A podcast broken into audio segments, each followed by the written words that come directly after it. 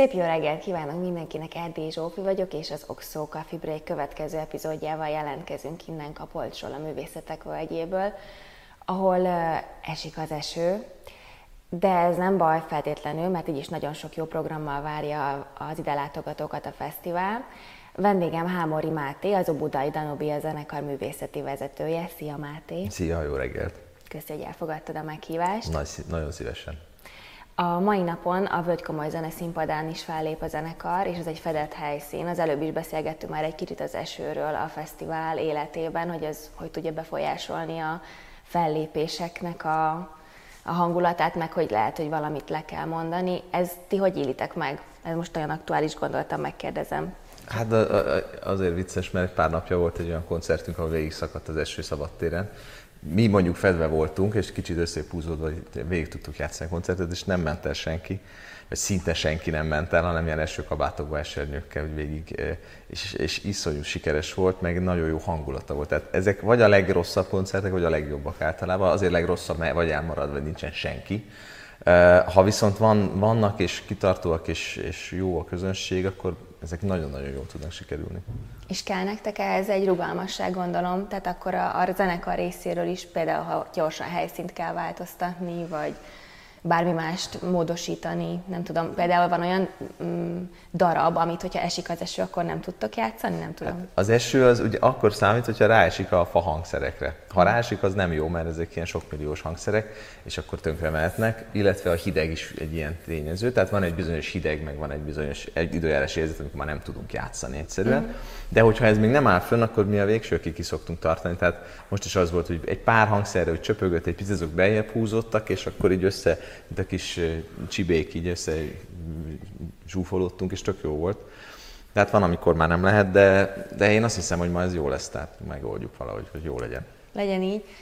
Az eső egyébként egy ilyen, ilyen tényező, ami befolyásolja a koncerteket adott pillanatban, de hogy van rengeteg olyan más tényező is, ami pedig hosszú távon egy-egy projektnek a sikerét tudja befolyásolni, viszont én tudom azt a Danovia zenekarról, meg rólad, hogy ti mindig, amikor éppen van valami új helyzet, akkor ahhoz nagyon gyorsan alkalmazkodtok, és jöttök, előjöttök valamilyen új ötlettel, és nem, nem győzi az ember kapkodni a fejét, hogy hú, most éppen milyen izgalmas új dolog van, és ezekről a projektjeidről szerettem volna, vagy projektjeitekről szerettem volna veled beszélgetni, hogy, hogy kezdve azzal, hogy a siketek és nagyot hallók számára hoztatok létre egy programot a Beethoven évben, 2020-ban, Erről mesélnél nekünk egy kicsit, mert szerintem ez egy olyan dolog, amit így a, az ember elsőre nem gondolna, hogy siketek számára koncertet lehet szervezni. Nem, másodjára sem igazán tűnik reálisnak, mert Ugye egy, e, az ötlet onnan jött, hogy, hogy Beethoven maga is a leghíresebb siket volt, talán így a világtörténelemben. Ráadásul zeneszerző, ugye ez, ez teszi ilyen epikké az egész történetet. És az, én arra voltam kíváncsi, hogy vajon lehet-e most így a modern korban bárhogyan közelebb vinni a zenét, az élő zenét a siketekhez és a hallássérültekhez. És akkor ezt elkezdtem kicsit felderíteni, és kiderült, hogy egyébként nem állunk ezzel valami jól. Tehát aki teljesen siket, vagy, vagy a halóideg úgy sérült, vagy hiányzik adott esetben, annál azt a fajta hallást egyenlően nem tudják reprodukálni. Tehát a látás szempontjából jobban állunk a vakság kezelésével, mm. mint, a, mint a siketségével. Viszont, amit Beethoven is csinált, hogy a rezgéseket fizikálisan próbálta érezni, a zongorájának volt egy ilyen fém kis applikációja, amihez hozzáérintette a homlokát. Szóval, hogy ilyesmik vannak, és akkor kipróbáltuk, hogy milyen az, ha beülnek ezek az emberek, gyerekek felnőttek vegyesen a zenekarba, van, aki lufit fog, mert a lufi az nagyon-nagyon jól tudja a rezgést közvetíteni, tehát érzed rajta, hogy, hogy mi történik, hogy most hangosabb, halkabb, hogy változik a rezgés. Van, aki leveszi a cipőjét és mezít lába a fapadlóra lerakja, ugye nem miatt. Van, aki megérinti a hangszereket, nagy hangszereket, nagy bőgőt, timpanit, stb. És van, aki csak ül, és így a flót figyeli. És, és tulajdonképpen emiatt nagyon döbbenetes volt, de működik a dolog, mert, mert amikor zenélünk egy zenekarban, akkor egy olyan flow, egy olyan áramlás van a zenészek közt, amiben akkor is, ha nem hallasz semmit, csak ott vagy, érzed az energiáramlást. És vannak olyan siketjeink, akik nem hallanak semmit, nem is lukizgatnak, de emiatt az energiaáramlás miatt járnak ezekre a koncertekre, és azt mondják, hogy nekik ez nagyon sokat jelent. Van olyan néni, aki ö, hallott még tíz éve, és a zene nagyon fontos volt neki, és nagyon mély depresszióba esett, mikor teljesen elvesztette a hallását, mm. és ő azt mondja, hogy neki ez nagyon sokat segített abba, hogy most így visszataláljon az élethez. Tehát nagyon, nagyon pozitív történet, és nagyon jól megy, olyan értelemben, hogy, hogy nagyon szeretjük, és nekünk rengeteget ad. Mm. Tehát a zenéről egy olyan tanítást ad, hogy a zene a hangokon túl is képes működni, ami nekem egy ilyen óriási élmény volt, úgyhogy ezt, ezt a projektet ezt nagyon szeretem. Uh-huh. Ennek a podcastnek azt a címet adtuk, hogy Út a zenéhez, és nyilván azért már, hogy nektek is van egy ilyen ö, nevű Segíts egy kicsit, hogy ez, ez egy projekt, vagy ez egy alapítvány? Ez, igen, ez, ez egy alapítvány is, az ennek az alapítványnak a tulajdonában van a zenekar, uh-huh. illetve ez, az, ez a honlapunknak is a címe, Út a zenéhez. És ez, ez egy gyűjtőfogalma mondjuk úgy a misszióinknak, meg az egész tevékenységünknek. Tehát mi az út a zenéhez vagyunk. Van, van egy zenekar, abban van egy online applikáció, ami a zenét próbálja közelebb vinni azokhoz a klasszikus zenét elsősorban, akik nem biztos, hogy ez egyébként közel lennének. Ebben benne vannak az ifjúsági projektjeink, benne van a Beethoven projekt, és azok a projektek, amik még ezen kívül vannak, a közös hang, illetve az énekút, ami egy online oktatási program. És hát benne vannak az élő koncertjeink, meg az, hogy Kapolcson játszunk esőben, az is az út a zenéhez része.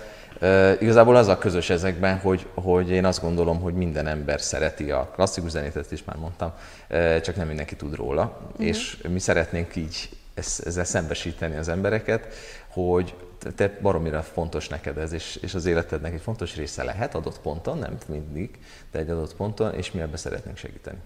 És igen, tehát a klasszikus zenét nem szeretik sokan, ez ez valós dolog. És szerinted ez miért van? Mert én azon gondolkoztam, hogy esetleg abból indulhat ez ki, hogy talán a zeneoktatás az nem úgy állítja be a klasszikus zenét, hogy az, az valami izgalmas, valami olyan, amit szeretni lehet kisgyerekként. Nem gondolod, hát hogy... ö, talán pont azért, mert a zeneoktatásunk az annyira ö, megrekedt ilyen sok, sok tíz évvel ezelőtt, hogy ö, ott pont az a baj, hogy a, nem egységként kezeli a zenét. Uh-huh. Én nekem most az, a, az, az, az lesz az következő évad elmondata, hogy komoly zene nincs, csak zene van. Uh-huh. Én ezért nem is használom a komoly zene szót egyáltalán. Szerintem nagyon elválaszt és ilyen szegregálja ezt az egész műfajt, bezárja. Egy klasszikus? klasszikus zenét használok azokra a zenékre, amik régebbiek, ah. és alapvetően, ugye se lehet mondani, hogy klasszikus zene az, az nem szórakoztató célból született, hanem művészi célból. Mert Mozart egy, ugyanabban az évben, a halálának az évében írta a varázsfúlát, és írta a Titus kegyelmét, ami körülbelül úgy viszonylik egymáshoz, mint hogy egy filmrendező megrendezne egy Antonioni filmet, és utána megrendezne egy Marvel filmet. Uh-huh. Tehát az egyik az a tömegeknek szól, de annak is lehet hihetetlen a minősége, a másik pedig egy nagyon-nagyon vékony értelmiségi rétegnek nagyon-nagyon sok előzetes tudást kíván hozzá. Ugyanaz a szerző írta. Tehát nem, ez nem volt akkor könnyű zene, meg komoly zene, meg népszerű zene, ugyanazok a szerzők írtak különböző rétegeknek, aki a legtöbbféle e, próbában megállta a helyét, és a legtöbbféle embernek tudott jót írni, abból lett Mozart, meg abból lett a nagy sztár. Uh-huh. És ez mindenkire igaz tulajdonképpen, abból az időszakból. Ez ma már így le, leszalámizódott, és akkor most is vannak a könnyű zenészek, meg a komoly zenészek, miközben a komoly zenészek elvileg ugyanazt, vagy még egy kicsit kiadósabb képzést kapnak, mint a könnyű zenészek. Tehát mi is ma itt a Kapolcson este Erkelt is fogunk játszani, Bartókot is, Lisztet is fogunk játszani, de Velhellót is fogunk játszani, és tudom én, Cserhátit is fogunk játszani, sőt, jazz is fogunk játszani, mert tudunk ezeket mind tudjuk játszani, tehát ez mind a zene része. Úgyhogy nem, már nem tudom, mi volt a kérdés, de igazából ezt így elmondtam pont. Az, hogy a zeneoktatás mennyire befolyásolja. Igen. Hát nagyon, mert én azt látom, hogy a gyerekek, a saját gyerekeimtől is ezt kapom vissza, hogy utálják az énekórát. Mm. És ráadásul valószínűleg pont azért, mert azt kapják, hogy oh, csak a népdalok, meg a klasszikus zeneszerzők születési dátumait tanuljátok meg, meg tanuljátok meg lekottázni a Gregoriánt, átírni ötvonalas. Teljes tévedés szerintem, tehát a zenét egységként kell kezelni, és, és ugyanúgy bele kell, hogy férjen az aria a zeneoktatásba, mint bele kell, hogy férjen a minőségi elektronikus zene, meg hogy bele kell, hogy férjen Kispál, meg bele kell, hogy férjen Bach. Ezek közt egyetlen különbség van az időbeliség, uh-huh. hogy mikor született, és azt gondolom, hogy ha az irodalmat megnézzük, sokkal könnyebb egy gyereknek, egy mostani regényt, egy Harry Potterrel elindulnia mondjuk az irodal, az olvasás irányába, mint Cervantes Don Quixote-ével. Uh-huh. A Don Quixote-hez már bizony kell az, hogy meglegyen a Harry Potter, meg az olvasásnak egy mechanizmus, a zenével ugyanez van, tehát nem fog tudni az úgy működni, hogy a kisgyerek majd először csak Bachot szeret, és akkor utána majd megszereti a mostani zenéket, hanem minden zenét rá kell önteni, és akkor előbb-utóbb ezek úgy helyükre kerülnek ezek a dolgok. Uh-huh. Itt is egyébként nagyon sok gyerek van a fesztiválon, és jazz koncerteken is láttam totyogósokat tátott szájjal figyelni, tehát hogy ez valóban talán így van, hogyha a gyerek pici korától kezdve többféle zenei dolognak van kitéve, akkor az befog, sokkal befogadóbb lesz. A te gyerekeiddel mi a helyzet? Hát ugye senki nem proféta a saját hazájában, ez abszolút így van nálam is, tehát nem mondhatnám, hogy a gyerekeim zenerajongók mindannyian. El szoktam a nagyobbak, fel szoktam őket cipelni időnként a koncertjeimre, és akkor az egy nagyon éles kritika, hogy ami nekik is tetszik, az már tényleg jó, de nem minden tetszik nekik se, pedig én büszke vagyok a gyerekkoncertjeimre, pont emiatt, mert van olyan is, ahol Bartókot Ravelt hallgatnak a négy évesek, és ők még nem tudják, hogy az nehéz. Tehát, hogy az úgy van tálalva, mesével, nem tudom, tánccal felszabdalva egy picit, akkor ő végig hallgat 45 percnyi Bartók zenét, és boldog lesz tőle. De hogyha azt mondanám, hogy most Bartókot fogunk hallgatni, gyertek gyerekek, ez nagyon híres magyar zeneszerző volt, aki nem tudom mit írt, akkor már is lecsukódott a figyelemnek a, a, a, az a pici időrés vagy időablak, amíg a gyereket meg lehet fogni. Úgyhogy e, próbálom a saját gyerekeimet is, de nagyobb sikereim vannak mások gyerekeivel, úgyhogy ez általában így szokott lenni. Igen, igen, ez szerintem minden pedagógusnál is egyébként ugyanígy van, hogyha a gyerek, saját gyerekedet próbálod tanítani bármire, akkor ez kevésbé megy át, mint hogyha a másét. A Fazekas Gergő zenetörténésszel beszélgettünk nemrégiben egyébként hasonló témáról, és vele az is feljött, hogy amikor a klasszikus zenét amit te is az előbb félig mondtál, csak belét folytottam a szót, hogy lehozni az elefántcsontoronyból, viszont akkor ti is azt gyakorlatilag valljátok, hogy akkor viszont a populáris zenét pedig ugyanígy egy szintre hozni vele, mert hogy mondtad, hogy játszotok mindenféle zenét egy koncert alatt, és ez sem szokványos, nem? Tehát, hogy többféle stílusból játszik egy alapvetően klasszikus ö, zenekar. Igen, ez, ez egy olyan dolog, hogy azért könnyű az elefántcsontoronyba bekerülni, mert én is tudom azt, hogy, hogy Mozart varázsfólája azért most az előbbi párhuzamnál maradva mondjuk két trilliárdszor értékesebb és mélyebb az én számomra, mint egy Marvel film. Ugyanakkor azt is tudni kell, hogy Mozart varázsfólájának is rengeteg szintje van. És lehet, hogy én már egy esetleg ilyen expertebb szinten érteni vélem azt, hogy mi van meg, mert van annyi előzetes tudásom hozzá, de aki először bemegy a varázsfúvolára, az lehet, hogy annyit fog belőle érteni, mint amit először egy Disney vagy egy Marvelből ért.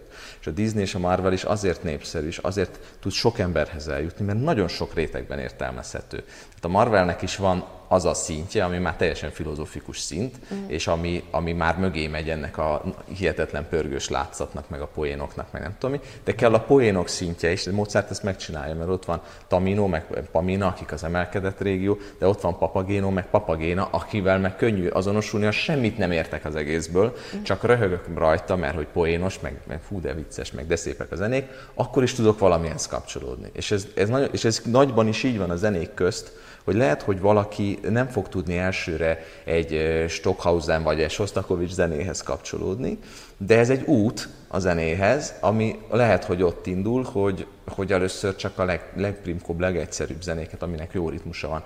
Az én kislányom is mondjuk a, a, a középső, nem tudom most, hogy annyi gyerekem van, de mondjuk a 5 éves kislányom, aki na, nagyon muzikális viszont és állandóan énekel, ő is a sportos zenét szereti, aminek van ritmusa. Először ezzel tud az ember azonosulni, és aztán életkorban is, meg tapasztalásban eljön az a pont, amikor lehet, hogy egy parszifára lesz szüksége, mert a lelkének, mert eljut már oda, az úton már ott tart. De nekünk az a felelősségünk, hogy ne gondoljuk azt, hogy miért nem vagy már itt a csomólunkma tetején oxigénpalac nélkül, hanem szépen vezessük serpaként őket lassan. Először a kékest másszuk meg, az is épp elég nehéz, aztán utána visszamegyünk, akkor megint megyünk egyen magasabbra, stb. Nem fog mindenki, most ez nagyon hülye hárhuzam pont most, de, de hogy ugye... De legalább tudnak de, tudnak, de, hogy, de hogy nem mindenki jut el a csomólunkmára. Tehát, hogy ezt, ezt tudomásul kell venni, nem mindenki fog mm. parszifát hallgatni, nem is kell. Nekünk az a lényeg, hogy vezessünk utakat 100 méter magasra is, meg 8000 méter magasra is. Nem, úgy hangzik ez, mint egy misszió, és azt akartam megkérdezni következőnek, hogy hogy jött a te életedben ez, tehát hogyan alakult ki az benned, hogy te ezzel szeretnél foglalkozni. Tehát az, azt értem, hogy a klasszikus zenei képzés az, az gondolom alap volt, mindegy, rád bízom. Tehát, hogy hogy jött ez? hát igazából ez volt az alap motivációm. Tehát a klasszikus zenei, én zongoráztam, viszonylag későn kezdtem, akartam zongorista lenni, meg zeneszerző, meg minden. Aha. Aztán végül ebből lett a karmesterség, de igazság szerint, ami engem legjobban érdekelt mindig is, az ez, hogy az emberek, hogy figyelj, van egy kincsem, megmutathatom, tök jó, és te is örülj neki, szeres, te jó, te is örülsz neki, akkor mutassuk meg még valakinek. Tehát nekem ez mindig ez volt már gyerekkoromtól kezdve, a, tehát a közösség építés ilyen értelemben, meg az, hogy ha valami szépet az ember lát, azt hossza meg. Az életnek az egyik legfontosabb értelme az ez, hogy nem csak nekem van az a szép, meg nem csak az enyém, hanem megosztom, megosztani valakivel. És én rátaláltam erre a gyönyörű dologra, ami látom, hogy hihetetlen mélysége van, és hihetetlen szépsége van, és gazdagsága van, és olyan, mint egy ilyen kincses bánya. És engem az éltet, hogy ezt a kincses bányát, ezt minél többen ismerjék, mert ez olyan, mint a, mint a szeretet, hogy, hogy azt ha osztod, szétfele szórod, akkor csak több lesz belőle, nem lesz belőle kevesebb.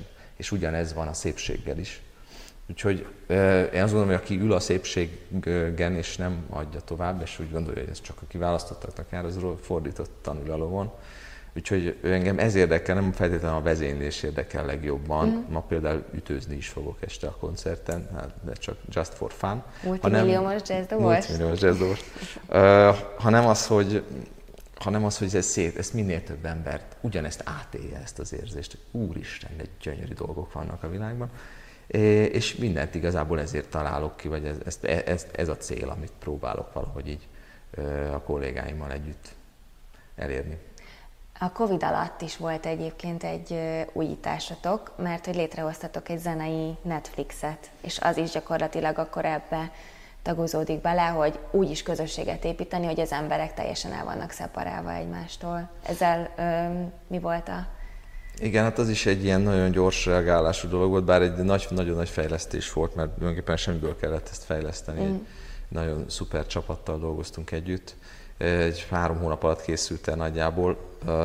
És ennek az a lényege, hogy van, mi, mi, mi kezdtünk el először online streamelni koncerteket, zenekari koncerteket Magyarországon, ilyen nagy hírportálokon tényleg a legnagyobbakon. Aztán most már csak csomóan csinálják, tök jó, de aztán egy idő után ezt így meg, megunt, tudtuk, mert azt gondoltuk, hogy ez tök jó, de lehetne ebből valamit kezdeni. Nagyon sok felvételünk lett, és akkor ezeket a felvételeket, amik ilyen sok kamerás, HD minőségű koncertfelvételek, feldarabolgattuk, és kitaláltam 40 ilyen hívószót, mint chill, szombat este, lélek, noir, mit tudom én, amikkel valamit be, behúznak, hogy na ez milyen lehet, és ez szerint vannak a zenék. Tehát nem, nem azt jelenti, hogy Brahmsot fogok hallgatni, az majd megtudod utána, hogy ez Brahms volt, vagy, vagy Gubaj Dulina, tök mindegy, de hogy a hangulatodhoz megfelelő zene.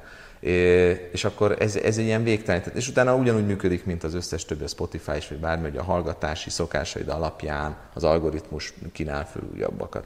Most persze ez most még egy ilyen beta verzió, ezt totál kéne még fejleszteni, meg marketingelni, mert az a baj a sok ötlettel, hogy jön az ötlet, akkor jön a következő, és igazából ne maradni kéne. Tehát a jó üzlet az az, hogy van egy ötleted, és kidolgozod a végsőkig. Hát nekünk is ez úgy van, hogy van, vannak előfizetőink, de azért ebbe olyan óriási energiát még nem öltünk bele. Lefejlesztettük, az mondjuk elég nagy energia volt, de még kéne fejleszteni rajta, de, de azt gondolom, hogy arra is jó, hogy az online streamjeink, bármi van, Covid vagy bármi van, azok ezen a felületen elérhetők, nagyon minimális előfizetési díjért.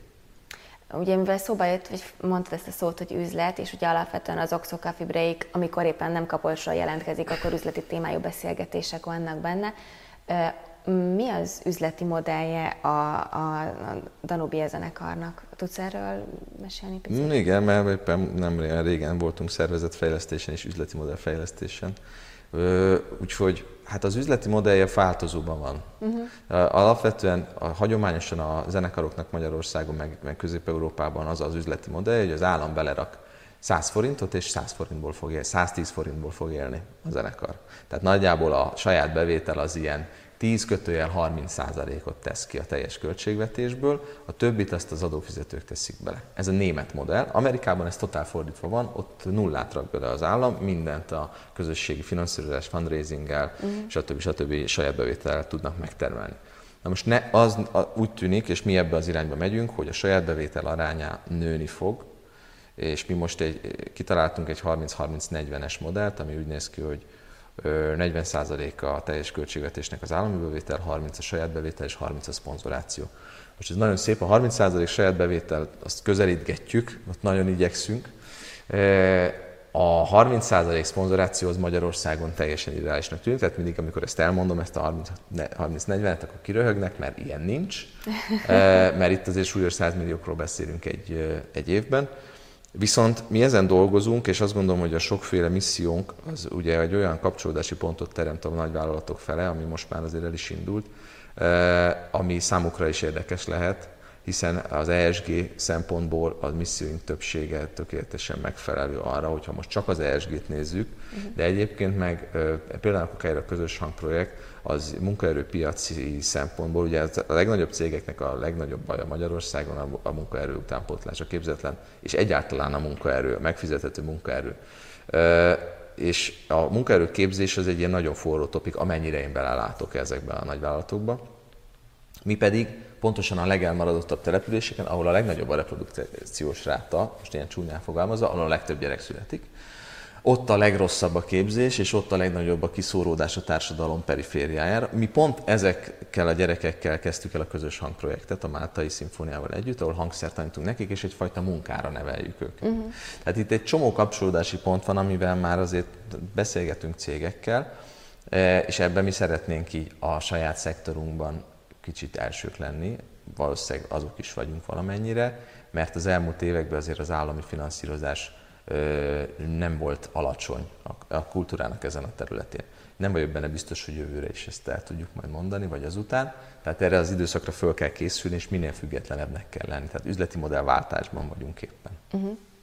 Tegnap uh, beszélgettem itt a, a Momentan Társulatnak az egyik alapító tagjával, és Kiskovácsi Attilával, és ő azt mondta, hogy ezt a kérdést tettem fel neki, hogy milyen, amikor egy üzleti vállalkozást kell művészekkel megoldani, tehát hogy művészek vannak benne. És ezt akkor most neked is felteszem, hogy komoly zenészeket illetően mm, van-e bármilyen extra abban, hogyha egy üzleti vállalkozást kell, mint ami ez egy zenekar is létrehozni? Nincs, ezt ezt a zenészeknek nem feltétlenül kell érezni vagy Aha. tudni. Tehát, hogy az, hogy mi hogyan termeljük ki az ő bérüket, hogyan tudunk olyan munkakörülményeket teremteni nekik, amiben ők jól érzik magukat, mert ráadásul van egy óriási munkaerőpiaci verseny, meg egy bérverseny a mi szektorunkban, mert Magyarországon viszonylag sok hivatásos zenekar van, amit szerintem egy nagyon jó adottság, amit tök jól lehetne gazdaságilag is használni. Uh-huh. Ez egy más kérdés. De hogy a lényeg az, hogy nekik ezt nem kell tudni, tehát ö, vannak bizonyos dolgok, amik, amiket meg kell érteniük, hogy most, most már nincs ingyen, nem tudom, vacsora, vagy ingyen ebéd van ez a híres, nincs ingyen ebéd, hogy, hogy egy kicsit máshogy van ez a dolog, de ezt ők értik, tehát ezt a részét értik. A menedzsment feladata az, hogy felelősség teljesen ki tudja, alájuk tudja termelni ezt a, ezt a mennyiségű pénzt. Mi ezen nagyon dolgozunk, de nyilván ez nem egy egyszerű feladat, nagyon-nagyon innovatívnak kell lenni, és, és, és kitartónak. Ez mondjuk szerintem nálatok megvan. Úgyhogy akkor szerintem ezzel zárjuk is a beszélgetést, hogy eh, maradjatok továbbra is ilyen innovatívak és kitartóak, és eh, hozzatok nagyon szuper programokat ide Kapolcsra is. Aki ma esetleg ide látogatna, és még nem tudja, hogy mit csináljon, akkor a Danubia zenekarnak hol lesznek programjai, és mik lesznek? Nekünk Kapolcson lesznek, a, a Kapolcsi katolikus templomban. Délben lesz egy családi koncertünk, ami egész pici gyerekeknek is ideális. Részván fütyülők az a címe, és a mhm. rész fúgós hangszerekről fog szólni. Eh, déltől egyig nagyjából. Eh, négy órakor szintén itt a templomban lesz egy eh, Express című koncertünk, ez egy Debussy életéről szóló színes ismertetéssel, Eckhard Gábor zongoraművész zenetudós ismertetésével egy ilyen színes kis koncert Debussyről, este pedig kilenckor leszünk, ha minden igaz. E, igen, Vigánt Petenden a Cirque de Tókertnek a nagyon szuper színpadán, Reméljük nem fog esni az eső, de ha fog is esni az eső, valami biztosan lesz. Ott pedig kis magyar dalos könyv, azt játszuk, az elmúlt 150 év legjobb zenéi Erkeltől Velhelóig, Tóth Vera lesz a vendégünk, illetve a közös hang, említett közös hangos barátaink, fiatal művész palánták is fellépnek majd velünk. Szuper. Akkor kívánjuk, hogy ez a koncert is megvalósuljon, és hát akkor ti pedig gyertek Kapolcsra, ilyen és még ezerféle programot lehet itt megtalálni. Várunk benneteket mi is szeretettel. Sziasztok!